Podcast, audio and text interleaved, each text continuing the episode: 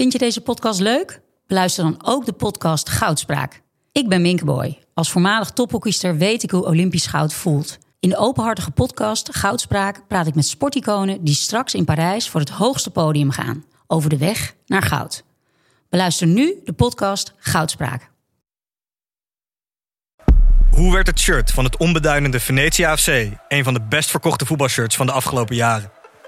Wat is er zo geniaal aan de MLS-deal van David Beckham? En waarom vinden we het normaal dat jeugdspelers gezien worden als investeringsobjecten? In de podcast Grof Geld onderzoek ik, Sam van voetbaljournalist, samen met merkstratege Per van der Brink de macht van geld in de voetbalwereld. Wat gaat er schuil achter de wereld van sport en glamour? En wie profiteert er? Luister naar Grof Geld en hoor hoe de Skybox de staantribune beïnvloedt. Dit programma wordt mede mogelijk gemaakt door Toto.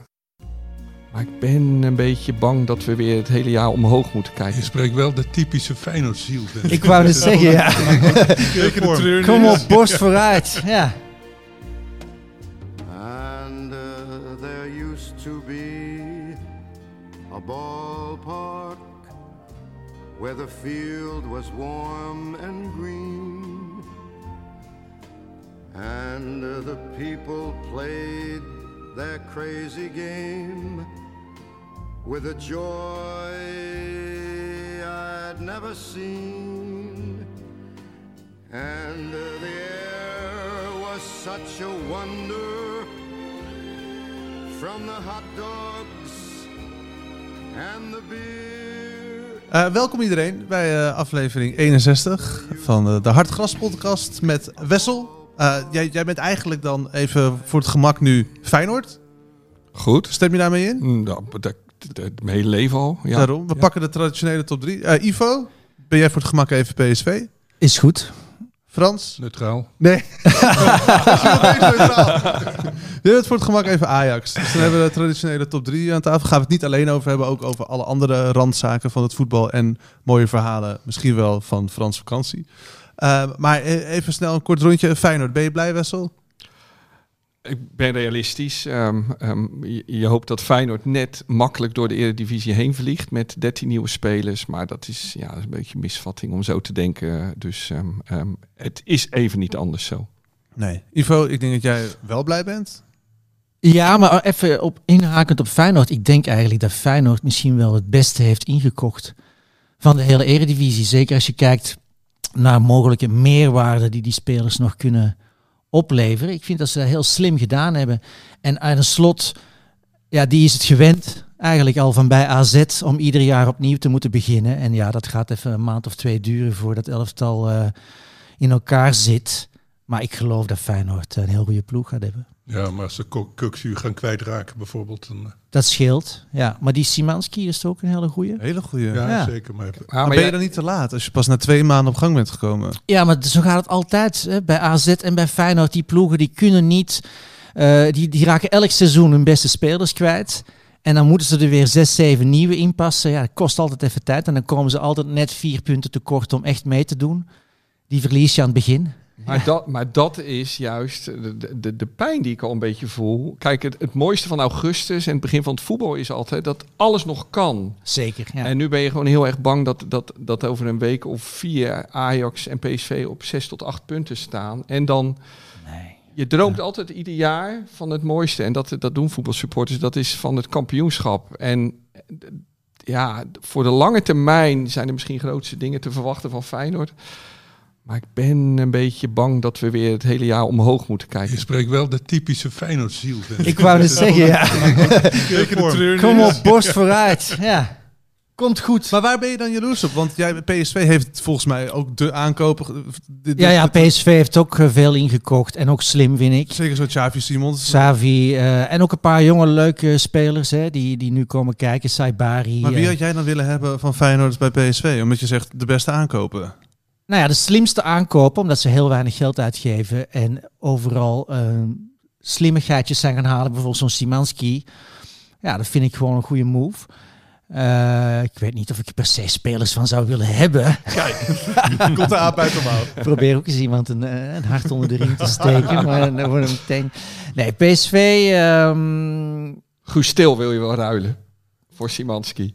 Nee, zeker niet. Ik zie op Twitter heel veel Feyenoord-fans nu Til eh, bashen. Hij is voetballend niet goed, et cetera. Schiet er elk seizoen 15 in. Dus, Voor een eh, middenvelder heel veel, toch? Heel veel. En ik denk eh, Til, dat, het, dat het geen basisspeler zal zijn uiteindelijk bij PSV. Maar als je het een keer moeilijk hebt bij, zeg maar wat,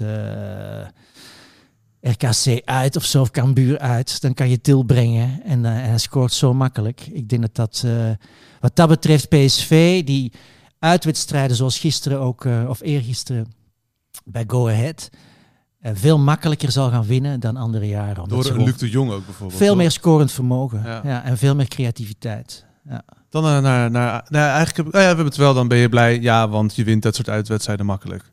Ja, het spelniveau is nog niet best trouwens, Nee? maar eh, effectiviteit is enorm. Hè? Frans? Ja, als ik- even over PSV. Ik vind Ja. dat ze slecht de bal eh, vast kunnen houden. Het is heel onrustig. Ze, Ja. het, het is hotse knots eh, voetbal eigenlijk. Dat Ja. ligt natuurlijk Luc de Jong wel een beetje. dus in die zin, en Til, dat soort spelers. Maar je zou verwachten met Gakpo en die Saibari, wat een fijne technicus is. Mm. En nou ja, om, om te, te zwijgen over Veerman. Hè, misschien wel de- een van de beste middenvelders van de Eredivisie.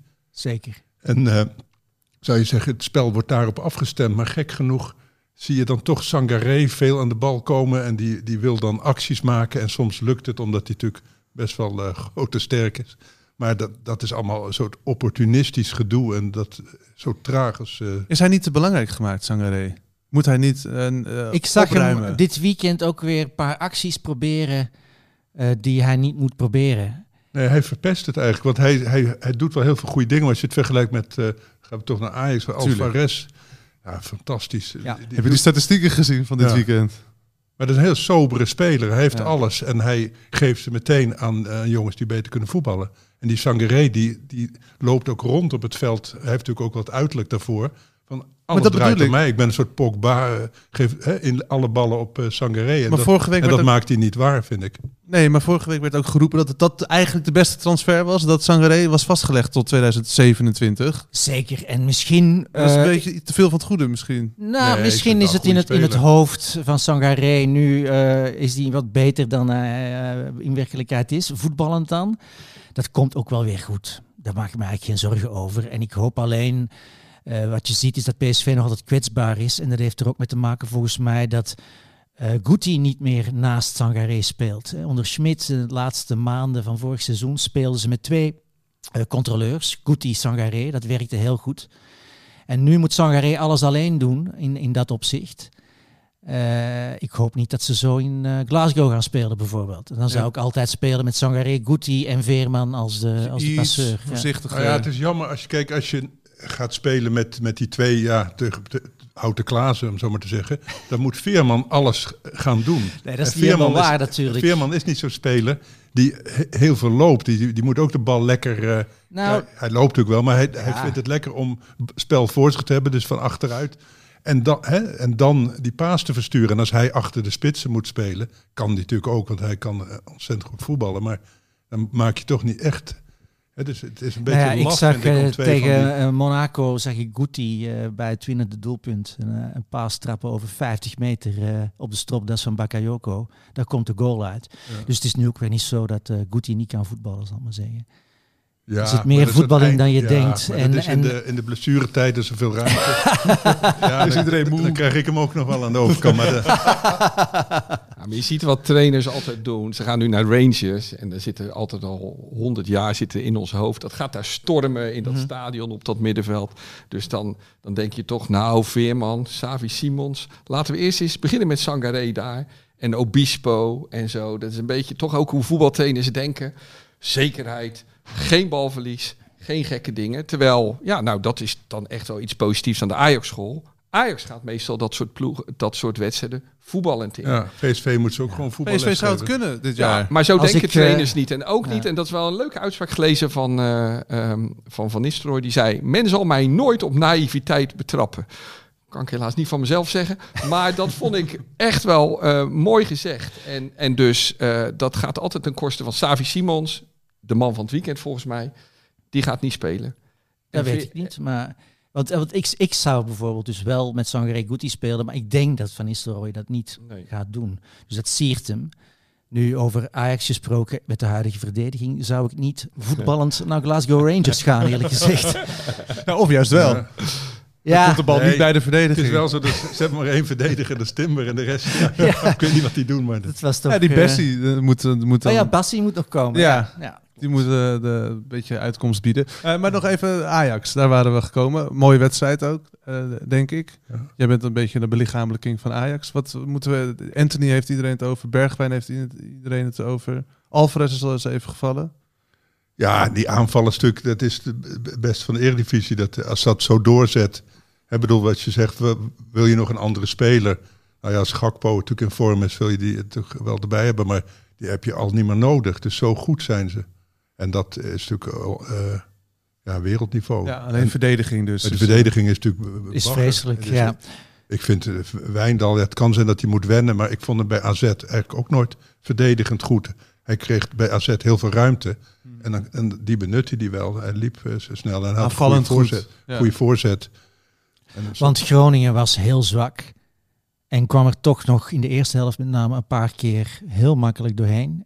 Maar het was een Inclusief het bekende blind, doelpunt. bekende Ja. blind, eh, Ongelooflijk, ja. Ja. blind moment. En, maar eigenlijk die goal valt omdat Wijndal staat te suffen. Die, die moet met zijn man meelopen en die denkt... eh, oh, daar loopt iemand weg. Ook moet er achteraan, maar die liep wat sneller dan hij dacht. Dus die heeft hij helemaal niet meer in kunnen halen. Dus dat is wel heel slecht, vind ik. Voor, dat zou Taliafico nooit Nee, hebben nee. laten Maar dat is niet de eerste keer dat gebeurt. Hè, dit Ja, maar de verdedigers kunnen gewoon heel goed aanvallen. Ook Rens was natuurlijk weer veel in het strafschopgebied te vinden van de tegenpartij. Is dat dan, hoe kijk jij naar Wessel, naar zo'n Ajax-verdediging? Ja, kijk, ik, ik hou wel heel erg van aanvallend voetbal. Maar wanneer het Nederlands voetbal ooit op zijn best is geweest, dan liepen er altijd wel achterin mensen die goed konden voetballen, maar ook heel goed konden verdedigen. Dus, dus je moet altijd wel zorgen dat je, dat je ook gewoon echt goede verdedigers. En ik, ja, ik vind het wel grappig om te zien natuurlijk, maar volgens mij kan je niet in een centrum of in een verdediging spelen met en Wijndal en Blind. Dat, Nee. dat gaat gewoon niet, zelfs niet tegen Groningen. Volgens mij, ja, nu dan wel, maar je, je komt erop. Het wordt vrij gemakkelijk 1-1. Ehm, het het is ook, ook wat dat betreft, zijn we altijd in Nederland wel heel uitzonderlijk. Er is geen, er is geen competitie waar je eh, met negen of tien aanvallende voetballers speelt. Dat kan gewoon niet, geloof ik. En ik prijs het wel en ik vind het mooi en ik, ik, ik, ik hou ervan als iedereen wil aanvallen. Maar volgens mij kan het niet. Maar Sanchez, die nieuwe rechtsback van Ajax, moet misschien weer een beetje dat, dat, dat vuur geven. Grinta. Ja, Ja, wie weet. kunnen ze wel gebruiken. Maar dat betekent dus dat Rens weer sneuvelt. En zou je dan eh, Bessie op de plek van Blind zetten en Blind op de plek van Wijndal? Is dat dan een beetje hoe de verdediging eruit moet gaan zien? Dat is het prachtige dilemma natuurlijk bij Ajax. want daar durven ze natuurlijk blind. Die gaat natuurlijk nooit op de bank komen. Nee. Ook het dilemma bij het Nederlands elftal. Want er zit zijn vader ook nog eens op de bank ernaast. Dus daar gaat het ook niet gebeuren. Dus Ajax heeft allemaal van die spelers die kan je niet passeren. Tadic Ook kan je ook niet passeren. ook Nu op niet. 10 dan? De Ajax wordt echt gegijzeld op dit moment. En, Ja. dat, en dat vind ik nou het, het enorm leuke van deze seizoenstart. Want hoe ga je daarmee om? Als je een echte toptrainers als, als ja nee, ik wilde zeggen Beenhakken en Hiddink. Maar die, die waren ook aan het marchanderen geslagen. Want je kan niks, je kan alleen Berghuis passeren. Ja, maar die zit nu op de En je kan inderdaad. Wijndal passeren en Rens. Maar Blind, die moet blijven staan. En zo, ja, Ja, en Berghuis is, is rustig nog op dit moment. Maar heeft natuurlijk ook niet uit het verleden de reputatie om heel goed te kunnen omgaan met dat soort Als die situaties. gaat muiten, dan eh, Ja. zijn de rapen gaar. Ja, er zijn heel weinig trainers die dan echt durven te kiezen wat je, wat je moet doen. Ze zitten allemaal stilletjes te hopen, denk ik dan altijd, op, een blessure of zo. Of een schorsing. En dan komt het, al, dan komt het allemaal goed. Dat is toch bizar eigenlijk? Ja, ja. Maar heb je dan verkeerd eh, ingekocht? Had je dan al iemand weer moeten verkopen? Nee, maar je bent nog niet klaar. Hè? Want A- Anthony, die staat natuurlijk toch wel op ieders eh, verlanglijstje, denk ik. Ja. Hè, dat, dat is een van de leukste aanvallers die, die er rondlopen. Ik, ik snap niet dat niet elke topclub hem, eh, hem wil hebben. Want het is, eh, hè, er wordt dan een beetje eh, weet je, zomercarnaval, die flauwekul. Maar dat is natuurlijk fantastisch soort voetbal. Het is een soort eh, hè, de herboren Gar- Garincha. Dat is een voetballer die ja, eens in de zoveel tijd opstaat. En, en, en nu zitten we dan te zeuren dat hij af en toe een hakje te veel doet of zo. Ja, dat vind ik van die Hollandse, Ja. Hollandse Doe maar normaal, mentaliteit. doe je al gek genoeg. Ja, hij mag van mij al die hakjes maken. Ik Ja, vind toch? het heerlijk. En- Zeker, en, ja. en drie man passeren in het strafschopgebied. Ja, weet je wel, met heerlijk. één beweging. Dat, dat, doet, dat zie je toch, dat, eh, sinds Cruijff, zou ik maar zeggen, heb je dat niet meer gezien in Nederland, dat soort... eh, Wat, eh, wat moet die kosten, Anthony? 70 miljoen?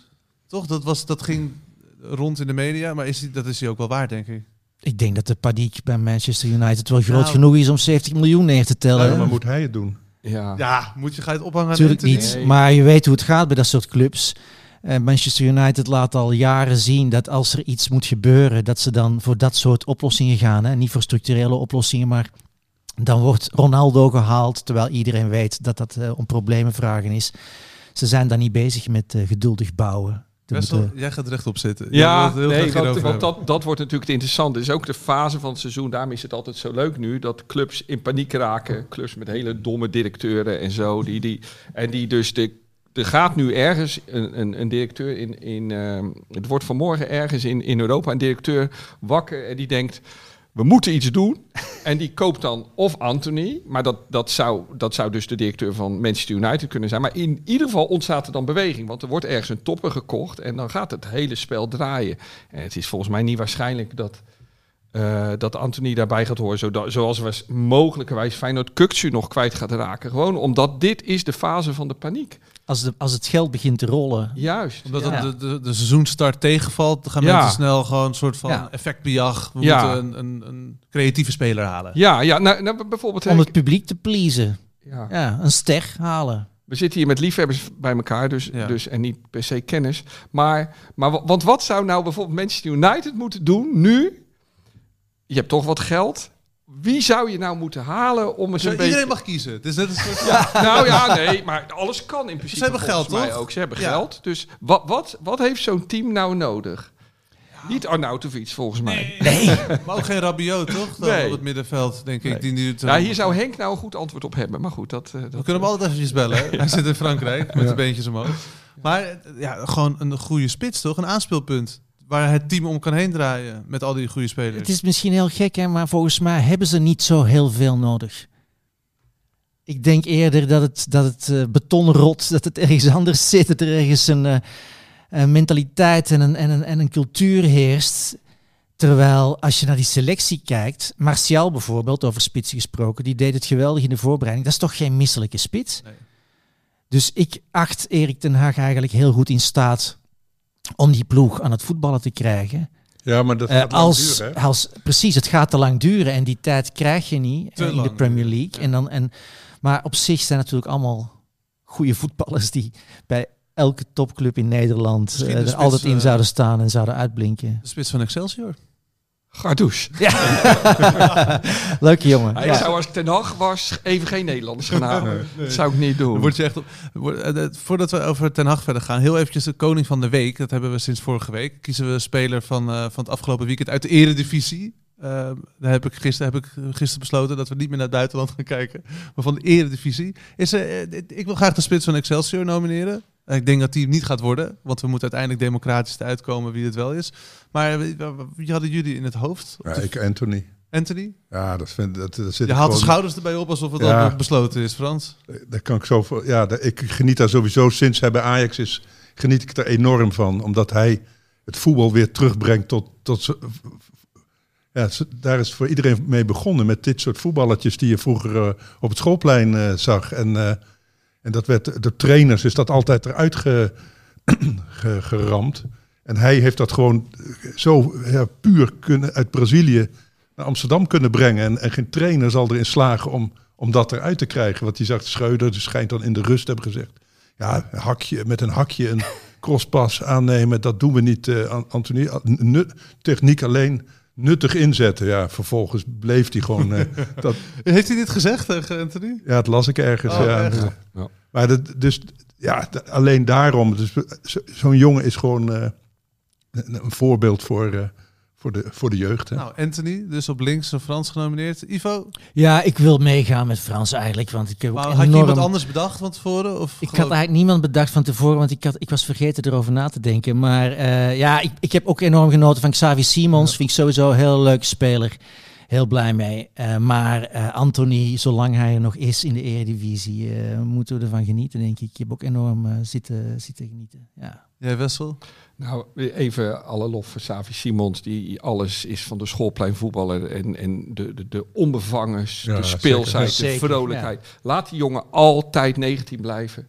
Want ik, ik zat al aan het WK te denken, wat een leuke, creatieve, alles wat hij doet, hij neemt de ballen aan. Het Zou is, mee naar dit WK nemen? nou, ik vind het echt interessante dingen. En dat Nou. wordt ook wel het, het, het leuke van dit jaar natuurlijk, van een hele korte aanloopperiode naar het WK. Van Gaal die, Ja, die, gaat Sparta pakken wie, de, wie er in vorm is. En, en, en het Nederlands elftal, nou Bergwijn is gelukkig doorgebroken. Maar je mist echt wel aanvallende kwaliteit bij het Nederlands elftal. Nou, zo'n Savi Simons. Maar goed, ik ben veel te opportunistisch nu. Nee, maar wie ik wil nomineren, toch wel, is Piri. Kik Ah, Piri. Die Kik Ja. Piri van eh, eh, de, die, die overkwam op vrijdag waar we van- die, die kregen wat, je wat, je nachtmerrie is als als als eh, nou ik doe mijn hele leven al over blunders in voetbalwedstrijden die je maakt maar maar die eh, die pakte de bal gewoon in zijn handen in in die dacht dat het spel dood was en toen was er dus een penalty maar wat ik het mooi en dan ben je dus een slemiel en dat is heel pijnlijk want daardoor Ja. verliest hij de wedstrijd en zo Het verliest En- ook met 1-0, hè? en die jongen ja. is natuurlijk al een pijnlijk verhaal. Hè? Die was heel talentvol bij, eh bij Heerenveen. En speelt nu nog in jong Ajax. En volgens mij ook alleen nog maar omdat ze denken, ja, wat moeten we anders? Ze hopen natuurlijk dat er een club voor komt. Eh, best pijnlijk. Maar die jongen die gaat vervolgens voor de camera staan na de wedstrijd.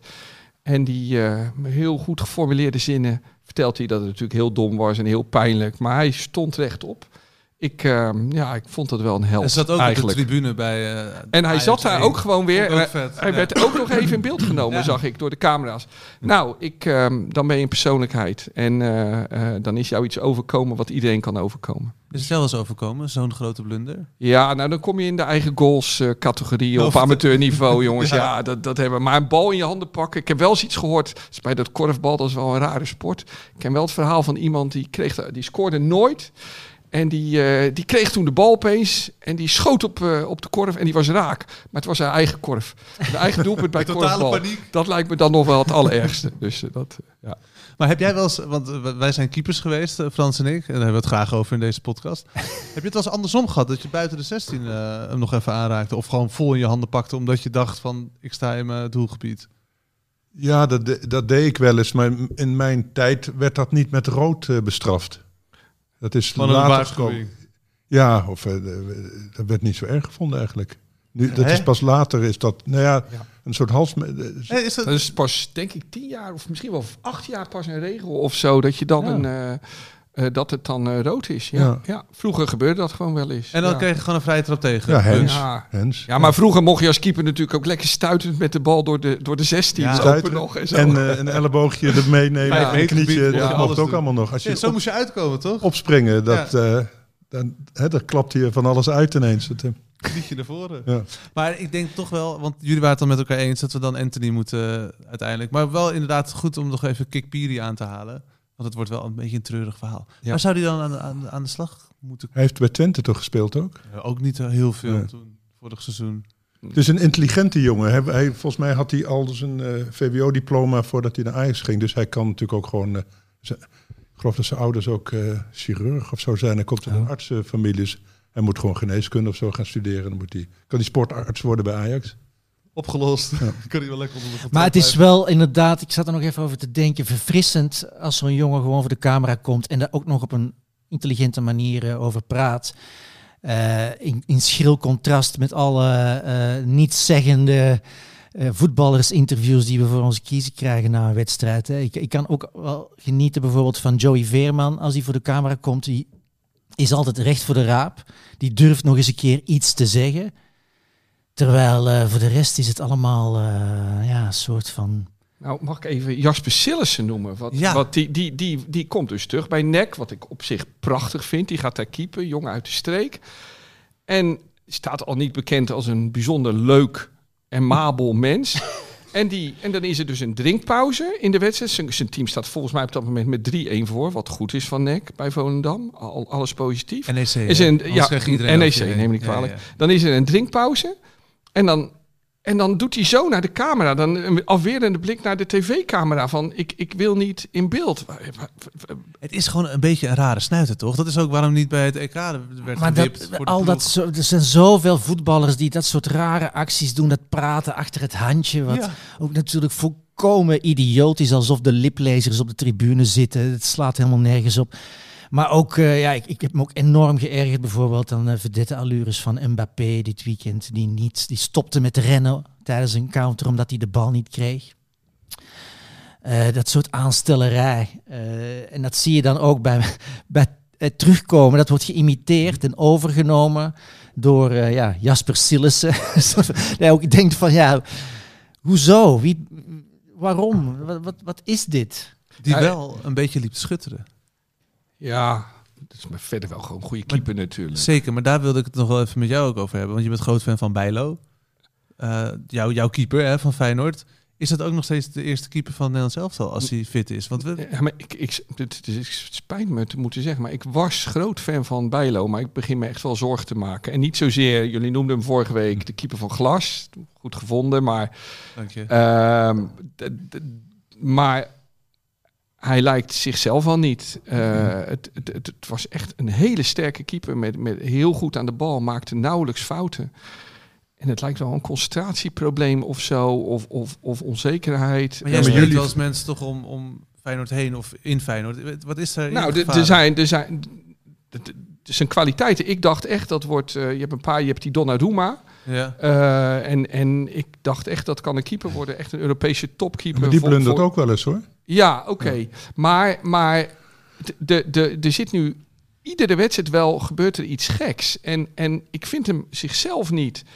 En soms denk ik, eh, dat is natuurlijk het mentale aspect in voetbal, is enorm belangrijk. Ja. Ehm, en, eh, ehm, Ja, maar hij zit ook met zijn verdediging voor zich. Ik vind die Rasmus, eh, wat is het, eh, Ja. niet Ja. kunnen. En Trauner is ook helemaal uit vorm. Dus die, die, die doet ook de raarste dingen nu. Ik vond Dus, wel goed. ja, hoor, hij is wel goed, maar hij maakt toch wel Ja. per wedstrijd een paar fouten. Dus dat, hè, en, en dan word je als keeper ook niet eh, zeker ervan. Als een, als een verdediger verkeerd staat opgesteld. En, eh, dus eh, dat, zie ik wel bij hun. Dat, dat centrum is niet meer zo. Ja, dat is natuurlijk. Sterk. Ik ben dan natuurlijk geen keeper. En dan kijk ik misschien net wat anders dan, dan jullie. Ik kijk alleen maar wat doet de keeper wanneer de bal bij hem komt. En jullie weten beter dan ik hoe een keeper Ja, u ziet het afhankelijk is van de mensen voor hem heen. Pasveer zit nu ook met dat gekloot van die blind die nooit tijd Ja. Ja, Nee, maar dan word je als keeper onzeker. Dat Ja. als niemand het opvangt die je denkt, moet ik eruit komen? Eh, Ja. Het is natuurlijk ook iets wat twee kanten op werkt. Hè? De keeper wordt onzeker van zijn verdediging, maar de verdediging wordt ook onzeker Van de keeper. van de Ja. keeper. Ja, want eh, je weet dat, dat, dat het niet per se wordt rechtgezet als je foutje maakt. Dus de druk op de verdediging wordt ook groter. Maar de keeper van het Nederlands elftal. Nou, dat, dat, Dat wordt dat moeilijk. heel lastig. Vlekken je- ging ook enorm in de Exact. fout. Ja.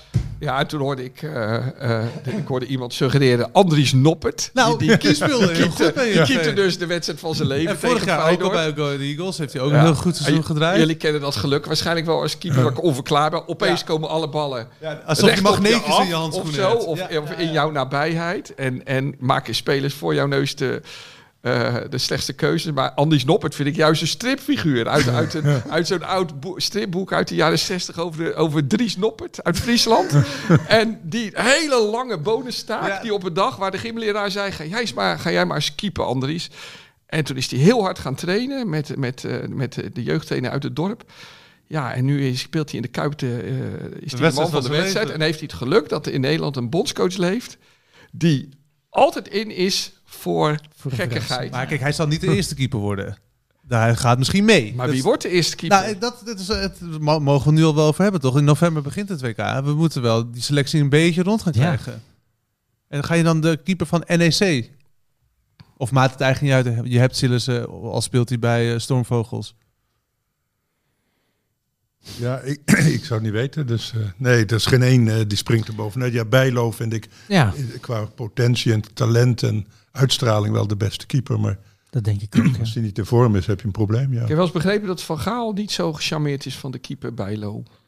Nou ja, omdat hij, hij neemt ri- risico's soms. En eh, dat vind ik wel leuk. Hè, wat, wat vroeger Onana in zijn toptijd had, die deed dat ook. Dus dat hoort wel een beetje bij een keeper met flair. Maar trainers worden daar gek van, denk ik. Ja. Dan toch Sillissen misschien. Iets degelijker.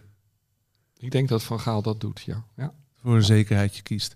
Eh, we worden deze eh, uitzending ook nog eh, een handje geholpen door Storytel. Dat is een luisterboekplatform waar je echt heel veel boeken kan vinden. Ehm, eh, en je kan het dan ook overal luisteren. Dus ook als je nog op vakantie gaat of op de fiets door de stad gaat of in de trein zit of eh, aan het wandelen bent. Ehm, en ik ben eigenlijk wel benieuwd, want Hartgras is natuurlijk een literair tijdschrift over sport. Ehm, welke boeken jullie willen aanraden? Ivo, laat ik bij jou beginnen voor de Storytel. Ik ga heel onbescheiden zijn. Eh, it. omdat eh, een succesauteur heeft mij onlangs, eh, onlangs ver- toevertrouwd eh, dat er maar één ding werkt. En Dat is schaamteloze zelfpromotie. Dus ja, al mijn boeken staan eh, op Storytel. Ik Wat is je favoriet? Heb je ze zelf ingesproken? Nee, eh, dat weten jullie misschien niet, maar tijdens eh, de eerste corona-lockdown toen eh, raakte ik een beetje in de paniek omdat de economie stilviel en ik dacht ik moet geld verdienen, wat ga ik doen? Toen ben ik luisterboeken beginnen inspreken. Dus er staan een heleboel boeken op Storytel die ik heb ingesproken, niet alleen mijn eigen boeken, maar ook thrillers van de Vlaamse auteur Pieter Aspe. Dat is heel populair in Vlaanderen. En eh, ik heb de laatste roman van Erwin Mortier ingesproken. Ehm, ja, dus eh, zoek op Ivo Victoria zou ik zeggen. Maar je moet, er- als je eentje van jezelf uit moet kiezen om nu even aan te prijzen. Ah, vind ik lastig. Ehm, Ja, ze kiezen tussen je kinderen, maar het is toch leuk. precies, ja. Doe dan maar eh, Dieven van Vuur. Dieven van Vuur. Ingesproken en geschreven door Ivo Victoria. Precies. Wessel, welke, waar zat jij aan te denken? Ja, ik kreeg dit verzoek gisteren en ik vond het echt heel moeilijk. Ik vind het echt een dilemma, want ik, ja, je, kan met de, ik, ik vind dan gewoon dat ik moet eren wie ik een van, de, ja, een van mijn favoriete schrijvers moet eren. Het hoeft er niets met sport te maken te hebben, werd me Nee. gezegd. Daar heb ik nog, natuurlijk nog wel aan gedacht. Want dan kan je wel weer met Nick Hornby aankomen of zo, weet ik wat. En, of met de schitterende jeugdboeken over voetbal die je hebt gelezen. Hè. Misschien moeten we het daar een andere keer nog eens over hebben.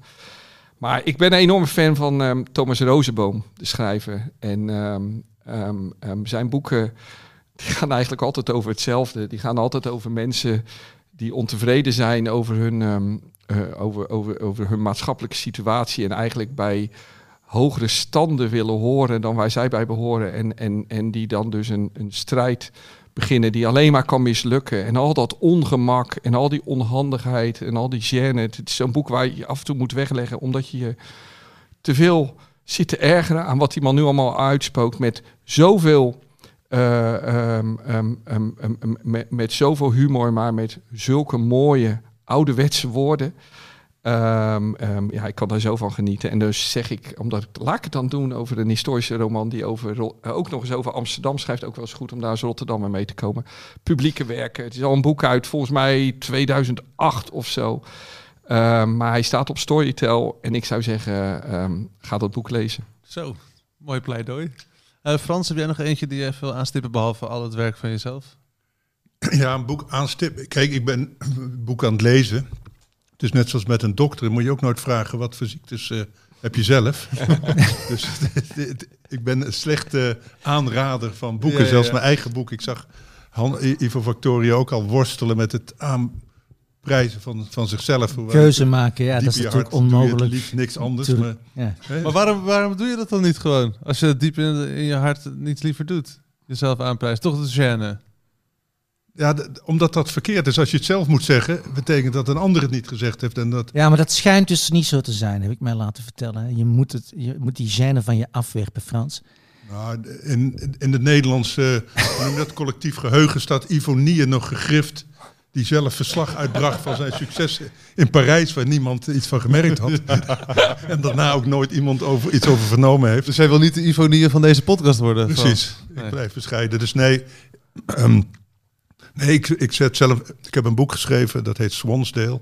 En dat verschijnt eind eh, september. En dat speelt een meisje de hoofdrol, zou ik maar zeggen. Het is de hoofdpersonage, een meisje van 15 en, en een half of zoiets. En, eh, en daardoor ben ik heel veel vrouwen gaan lezen. Want ik bleek dat ik een enorme eh, seksist was qua lezen. Dat ik eigenlijk alleen maar mannen las. En liefst blanke mannen natuurlijk. En, en weet ik wat, mannen op mij, van mijn leeftijd. Dus he- heel bekrompen, eerlijk gezegd. En toen dacht ik, ik moet dat toch doorbreken. Toen ben ik allerlei vrouw, vrouwelijke schrijvers gaan lezen. Tot, eh, zeer tot mijn genoegen. En het was... een ontdekkingsreis door een ander land, moet ik zeggen. En toch wel vertrouwd. En het boek wat ik nu zit te lezen, dat heet De Minnaars van eh, Marguerite Duras. Een van de grootste Franse schrijfsters uit, eh, vorige eeuw en ook een bekende filmmaakster, bekendst geworden wegens Hiroshima Mon Amour. Een, eh, over een liefde tussen een eh, Japanner en een Franse vrouw. In, eh, in de, nou, laat ik zeggen, in de puinhopen van... Dat is eh, verfil- verfilmd toch? Gefilmd door Alain René. Ja. en dat blijkt een basisthema uit haar werk te zijn. Zij is als meisje van 15,5 ehm meegegaan met de Chinese zakenman. Zij, was, is opgegroeid in eh Indochine, in eh, eh, Indochina, dus Vietnam heet dat nu. Maar dat was toen nog een kolonie van Frankrijk. En zij was een koloniaal meisje. En op, de, op, een, op een veerpont op de Mekong, een van de zijarmen van de Mekong, de machtige rivier, waarvan haar moeder zei: Kijk maar goed om je heen, want zoiets zie je nooit meer als je terug bent in Frankrijk. Spreekt die Chinese zakenman haar aan. Nou ja, dat, dat is een prachtig verhaal. En dus dat hele eh, idee van zo'n meisje wat, wat eh, vrouw wordt. Dus, eh, ik, dat heb ik nooit gelezen, behalve uit de mannelijke fantasie natuurlijk. Lolita en weet ik wat. En is het allemaal smullen geblazen, zou ik maar zeggen. Maar, hè, en, en, en niet verder vertellen, want dan zit je in de gevangenis. En, en, maar dit is van de andere kant. Dus dat meisje heeft dan, k- trekt kleren aan die ze van de moeder heeft gekregen. Een hoedje wat ze ergens gekocht heeft. En dan kan ze de blikken van, eh, wordt ze gezien. Dus zij heeft zich altijd verborgen, angst om gezien te worden. Maar zodra ze die ja, toch sexy eh, attributen aantrekt, durft ze zich laten te bekijken omdat ze het niet meer zelf is. Ze is, iemand anders geworden, namelijk iemand in de ogen van die omstanders. En dat ja, vond ik zo'n mooie beschrijving en zo'n mooie ontdekking dat het, dat het zo werkt. Dat je pas echt kunt bestaan als je het niet zelf bent. Dus als een ander jou ziet en een ander... eh, hè, dat is ook natuurlijk de, Ja. de essentie van de liefde, denk ik. Ik denk dat mensen daarom naar liefde verlangen, omdat ze door een ander gezien worden in plaats van hun eigen rotkop elke ochtend in de badkamerspiegel te moeten eh, trotseren.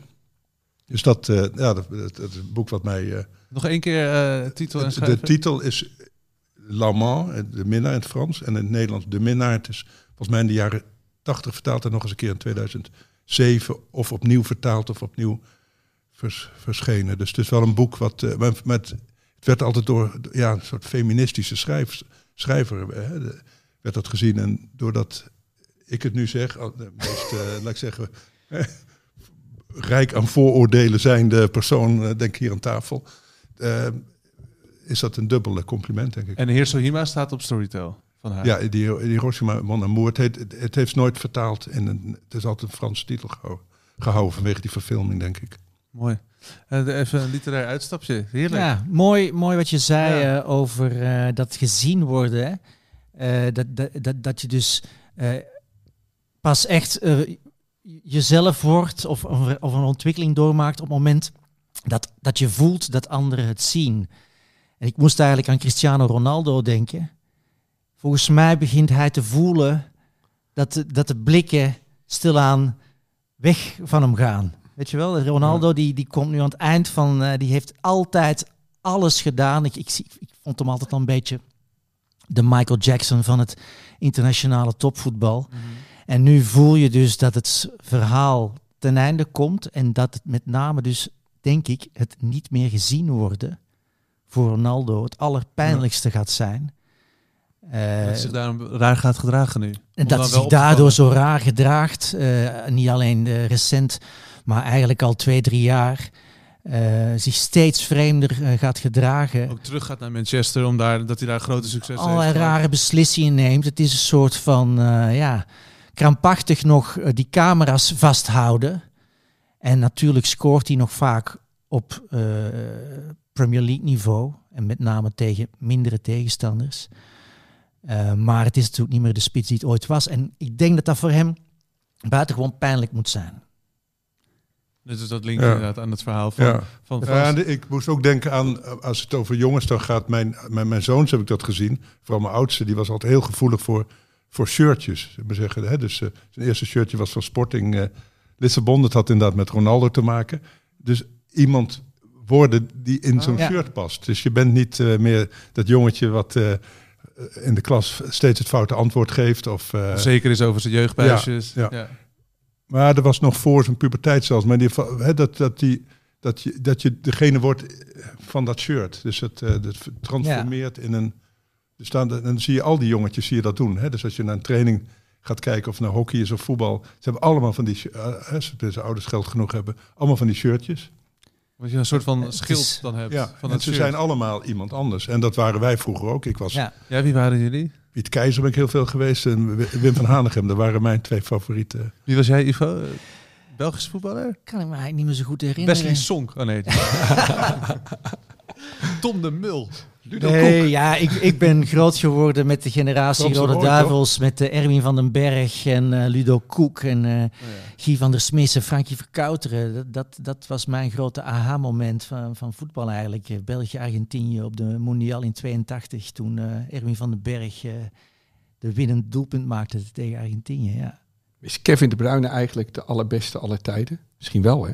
In België? Ja. Ja, Ja. Dat denk ik wel. Eh, heel lang heeft, hebben ze gezegd dat dat eh, Paul van Imst eh, was. Dat is eigenlijk een beetje altijd de Belgische kruif Ja. eh, geweest. Eh, maar ik denk dat Kevin de Bruyne hem nu wel voorbij is. Ja. Wie was jij, Wessel? Ja, van Hanegem. Ja, ja. Maar Buiten stond dat. dat. Hij was omdat hij gewoon alles had wat jij ook wilde zijn. Ja, ik was net zo traag.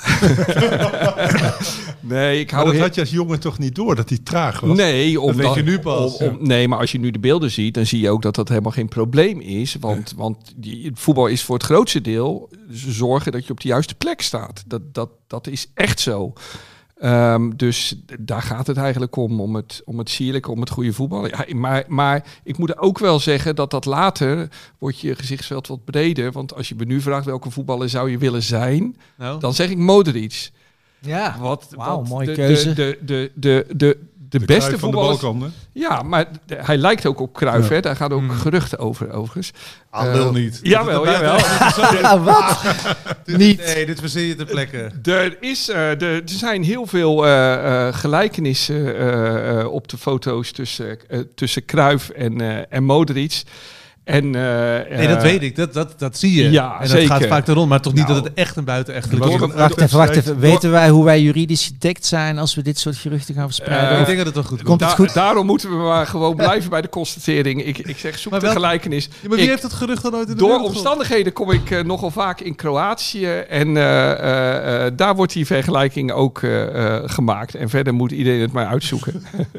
Ik moet nog heel even roepen dat als je enthousiast bent geworden door onze Storytel-verhalen, dat je eh 30 dagen gratis kan luisteren via www.story.tel slash hartgras. Belangrijk om even... Maar misschien komt dit verhaal van Wessel binnenkort ook eh, op Storytel, toch? Nou ja, het is wel echt goed. Maar er is Dat dus is echt iemand die zegt dat het DNA overeen zou kunnen komen. nou ja, er zijn, er zijn wel eens verhalen verschenen dat, dat, eh, eh, dat er gekeken wordt... is Cruijff ooit in Kroatië geweest? Of andersom natuurlijk.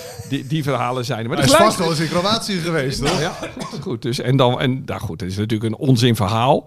Maar het is wel prachtig om, eh, om over te speculeren. In ieder geval omdat, omdat de, de, de, de, de, de, beste voetballers zijn de simpelste voetballers. Die net doen lijken Ja. alsof het eh, eh, allemaal makkelijk is. En Dus- mooi oud worden als voetballer, dat is ook een kunst. En Modric, die die wordt prachtig oud als voetballer, want die lijkt alleen maar beter te worden. Ingevallen Becky? ja, maar, maar, ja, maar ik bedoel qua spel, hè, Oh, dus zo. het, het Ja, inzicht dat ze dan eh, etaleren, eh, het eenvoud, de schijnbare eenvoud van wat ze doen. Ehm, Pirlo had dat ook. Die werd alleen werd maar beter, knap. steeds beter. Die is ook echt knap. Ja. Ja, ik kijk eigenlijk uit naar Kevin De Bruyne bijvoorbeeld. Hè. Ik, het is nu echt een lopende speler vaak. Maar ik, ik hoop dat hij heel oud wordt als voetballer. En dan hoop ik dat Kevin De Bruyne zo op zijn 39 Als laatste man ergens nog. eh, vanuit de middencirkel een beetje Je zag paasjes steeds- rondstrooien. Dat lijkt me Je heerlijk. zakt steeds een linie, toch? Naarmate je ouder Ja. dat zou betreft, mooi zijn. Zoals Cruijff is mooi geëindigd. Hè? Het is echt een gave om mooi te eindigen als topvoetballer, denk ik. Modric gaat dat gewoon lukken. Die gaat op een dag minder spelen. Of hij stopt gewoon. Van Persie is redelijk goed geëindigd, Kuit. volgens mij. Wie is er nou, Nou. echt lelijk geëindigd? Nou, Ronaldo is volop bezig met, Met heel lelijk lelijk te eindigen. eindigen. Eh, Messi daarentegen lijkt er weer helemaal doorheen te komen. Over eindigen gesproken, eh, chef Dood. Is er nog iemand eh, de pijp uitgegaan afgelopen week? Nee, niet dat ik eh, weet. Ze hebben bij mij hebben ze zich niet gemeld. Dus het, ik weet het. Is er wel eigenlijk iemand waarvan je hoopt dat hij snel de pijp uitgaat? Dat je denkt, nou daar heb ik een mooie necrologie over. Een Duitser bijvoorbeeld. Nee, ik, ja, Duitse, Duitse voetballers zijn wel heel fijn om over, over na te denken. Omdat er iets is wat niet klopt. Duitsland en voetbal. Bij, hè, bij laat ik zeggen, een Italiaan of een Braziliaan. is een natuurlijke combinatie. Maar ik, ik zat laatst naar Bayern te kijken. Dan zit je toch te verbazen, Sané, dat dat een Duitser is. Dat is ik kan er eigenlijk nog steeds niet bij. En Gnabry, dat zijn... Dat, Ja. Hè, dus het- het- ik moet me ook herzien. Duitsland is natuurlijk een multiculturele samenleving geworden. Dus het, dus het Duitsland wat ik koester zo, is Ja. Achtergebleven achter de Atlantikwal, zou ik maar zeggen. Dus dat is... eh, Ja, maar als nou ooit Hulzenbein overlijdt, hè, dat is wel... Help me Ja. even. Ik- Nou, dat was de man eh, die eh, met een zwalbe eh, de Ons- penalty veroorzaakte. Oh. Waardoor Duitsland eh 1-1 maakte. Anders hadden we die wedstrijd eh, wellicht echt gewonnen. En Hulzenbein in alles een Duitse voetballer. Niet creatief, maar enorm fit. En, en betrouwbaar op het middenveld. Als, als, dat, ik, ik, ik pas zocht ik toevallig en, en toen dacht ik, die leeft nog. Dat, dat wordt wel een moment, denk Ja. ik. Van, het zal ook besluit jij- 75, 80 zijn inmiddels. ja. Dus ehm, Hoezo ging jij op hem googelen of hij nog leefde? ja, ik vind dat wel een fascinerende generatie. Nou, die, als je die ooit... Duitsers. eh, we hebben een understudie. nee, eh, precies, precies. Want, nou ja, wij eh, zijn dezelfde generatie. Dus wij, wij zijn natuurlijk ook ja, dubbel genaaid door de Duitsers. Onze ouders in de oorlog Gaat hij weer. en wij door het voetbal. Ja. Dus dat is... eh, Maar zou je over, over hem dan bijvoorbeeld een mooi eh, verhaal kunnen bedenken? Dus ja, het, is een Schwalbe? prachtig, dat er is een prachtige reconstructie gemaakt. Net zoals de, wie, hè, wie schoot Kennedy dood, heb je ook vaak van die reconstructies. En Henk en Harry van Meegen hebben toen een schitterende reconstructie gemaakt van de finale. Waarom we verloren en wie zijn schuld het was. Eh, ik, kan nu wel verklappen, was Arie Haan. En dat is zo, mooi, zo mooi opgebouwd dat Arie Haan, omdat hij niet, want die was eh, de laatste man, dat hij niet goed terugliep. En, en, eh, ja, en toen Wim Jansen dwong om eh, ja, zijn fout goed te maken. En dan moest Wimpy moest, nou ja, het vuile werk opknappen en die, die penalty eigenlijk op zijn naam krijgen. Maar dat, dat is een, heel, de, een aanrader. Zou maar eens een keer herhaald moeten worden. Dat doet Henk, Henk zo goed. Het zal vast op YouTube staan ergens, toch? Henk Spaan en Harry ja, Vermegen. een van die dingen die ik ook onthouden heb, dat die Duitsers echt naar het schavot werden geleid. Die dachten, we worden afgeslacht in ons eigen heimaat. Gaan wij dus helemaal nat tegen die klote Nederlanders. En je ziet die Nederlanders ook opkomen, Johnny Rep en zo, popsterren. hè, Met, met dat haar en weet je wel, even of ze een trainingspartijtje gaan doen, kauwgom kauwen. En nog een, even op de tribune nog een eh, lekkere meid eh, spotten en zo voor na de wedstrijd.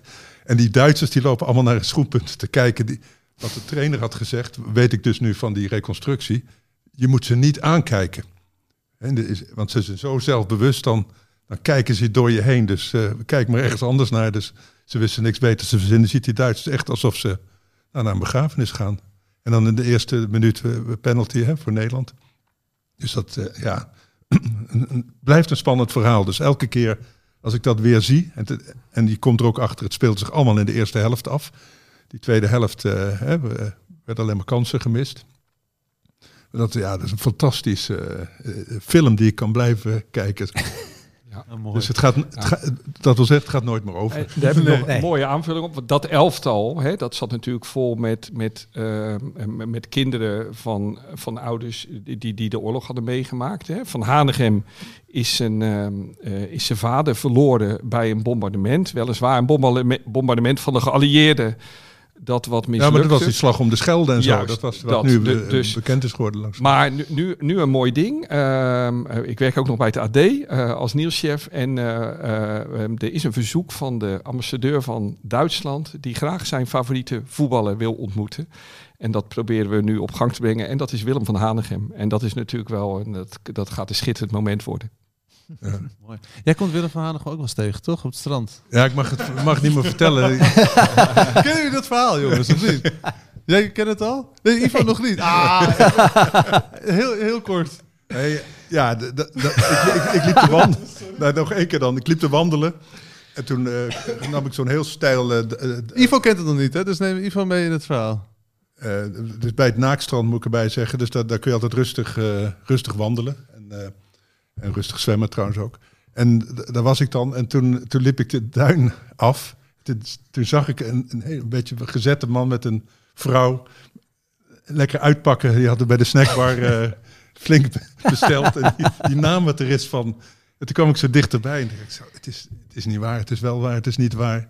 Was het eh, Wim van Hanegem. En toen had ik toch wel, ondanks die, die kliederboel waar die mee eh, zat te worstelen...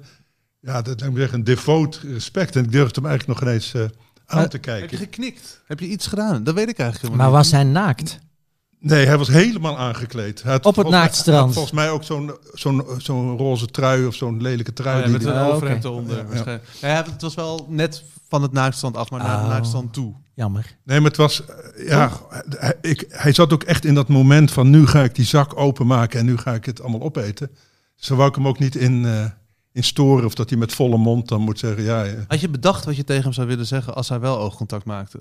Of keek je naar de punten van je schoenen? een beetje wel. Ja, ik zou niet weten waar je moet beginnen. Het is, eh, zo iemand heeft toch mijn, grootste deel van mijn jeugd eh, bepaald. In de, ik heb hem ook gezien in, eh, in, in het stadion enzovoort. Dus ik, ja, dat, dat, dat koester ik op een manier... waar die oude Wim zelf natuurlijk niet meer aan kan tippen. En waar die ook, denk ik, ongemakkelijk van wordt. Hoewel ik hem later nog eens tegenkwam, dus bij andere ontmoeting bij de Albert Heijn. En toen stond ik achter hem in de rij. Toen kwam ik ook te laat achter dat ik achter Wim van Hanegem in de rij stond. En dan, ja, en je wilt weten wat hij allemaal koopt. En denk, daar heb ik ook niks mee te maken. Dus had ik datzelfde. Maar toen keek hij zelf om om te kijken, ja, je, je kunt je spullen wel ook wel op de band zetten. En toen En zag toen had ik oogcontact. En toen zag ik dat hij zag, deze jongen is nu wel 60 of 64, maar die is al bijna 55, 60 jaar een bewonderaar van mij. Dus dat was wel grappig. Hij, hij herkent ze natuurlijk, want zijn, zijn fans worden natuurlijk ook ouder. dit, ken ik, dit verhaal ken ik nog Nee, niet ik, van ik, Albert ik Heijn. vertel ze elke keer anders. Ja. zo, zo gaan ze leven mee. Maar heb je toen met terugwerkende kracht gekeken wat er op de band had liggen toen dat oogcontact er was en jij wist dat het Wim van Haan Nee, was? het enige wat ik weet was koffie van Douwe Egberts, maar dat verder ben ik niet meer eh, gekomen. Nou, dat is dus het verhaal van Frans en... eh, Ja, uiteindelijk, ja, wat een godsgeschenk eh, is die verloren WK-finale eigenlijk eh, geworden hè, doorheen de jaren voor Ja, jullie. Oei, Nee, maar dat, meen ik echt serieus. Want stel nu dat je gewonnen had, nou, dan was je wereldkampioen geweest. Oké, fantastisch.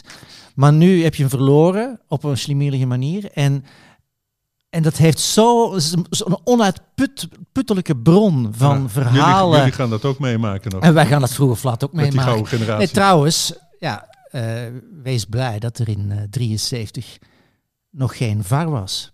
Want Nederland had nooit naar het WK eh, mogen gaan. Hè. Eh, België scoorde toen in de beslissende kwalificatiewedstrijd. Jantje Verheijen eh, scoorde de 1-0. En dat betekende dat België naar het WK zou gaan en Nederland niet. Werd afgekeurd voor buitenspel. Maar was het niet.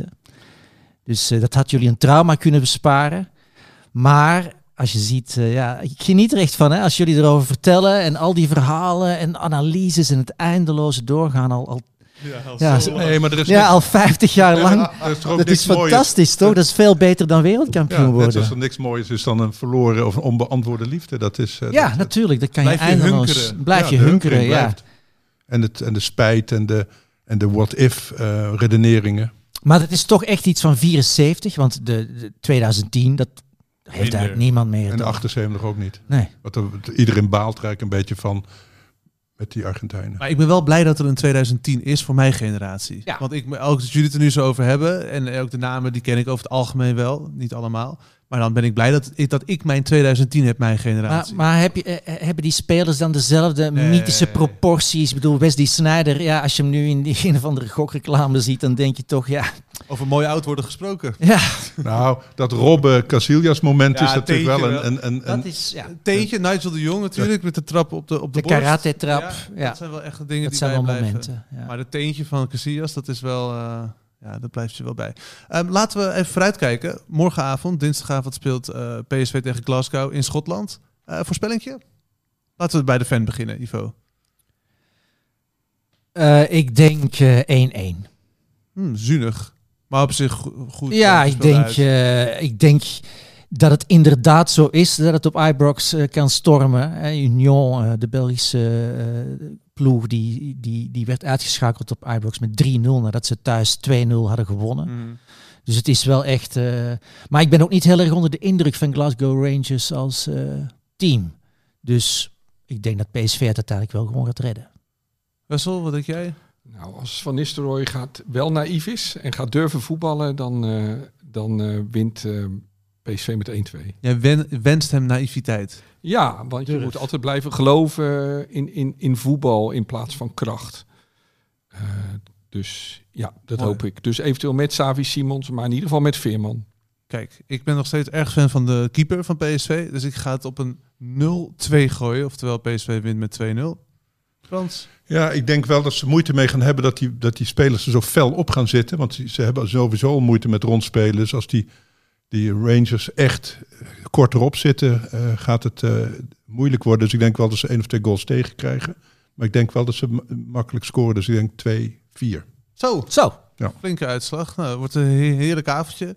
Eh dank jullie wel, heren. Is er nog iets wat jullie o- op jullie lever hebben? Dat je denkt van, nou, nu ik je toch zit in de Hartgras podcast. Dit moet op tafel. Nou, één ding, Ivo zei net, ik zeg het toch nog maar even. Jij zei als het een VAR was geweest, had Nederland nooit het WK 74 gehaald. maar als het een VAR was geweest, dan was het Belgische voetbal, was het Belgische nationale elftal eh, zelden een wedstrijd met meer dan acht spelers geëindigd volgens in die periode, ja zeker. Ja, ja, ja. Inderdaad, het Belgische elftal van de jaren 80 eh, en 70. eh. Met George Groen en zo. Dat, eh, Nou ja, dat, dat, dat was dan nog een hele beleefde jongen. Ja. Maar eh, daarvoor eh, met de, de gebroeders Millekamps, Luc Millekamps, dat was echt Ben een verschrikkelijke... Ja. Je had. Luc en Mark Millekamps, die, eh, die speelden allebei achterin. Eh, Luc Millekamps, dat was echt een beest. Ja. Van de Eiken.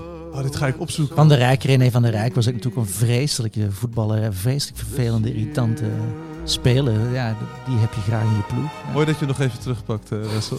Dank jullie wel, heren, dat jullie er weer waren. Tot de volgende. En dankjewel voor het luisteren.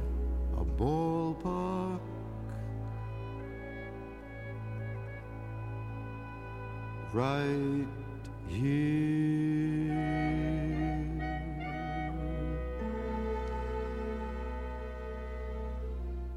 Hartgras is een podcast die geboren is uit het blad Hartgras. Van papier, ja. Gek, hè? Neem daarop een abonnement. 17,50 voor een proef die vanzelf weer ophoudt na twee nummers. Weet je dat je ook jezelf een cadeau kunt geven? Jij verdient dat. Ga naar hartgras.nl. Beter dan een oestermes. Of een hoed. Dit programma werd mede mogelijk gemaakt door Toto.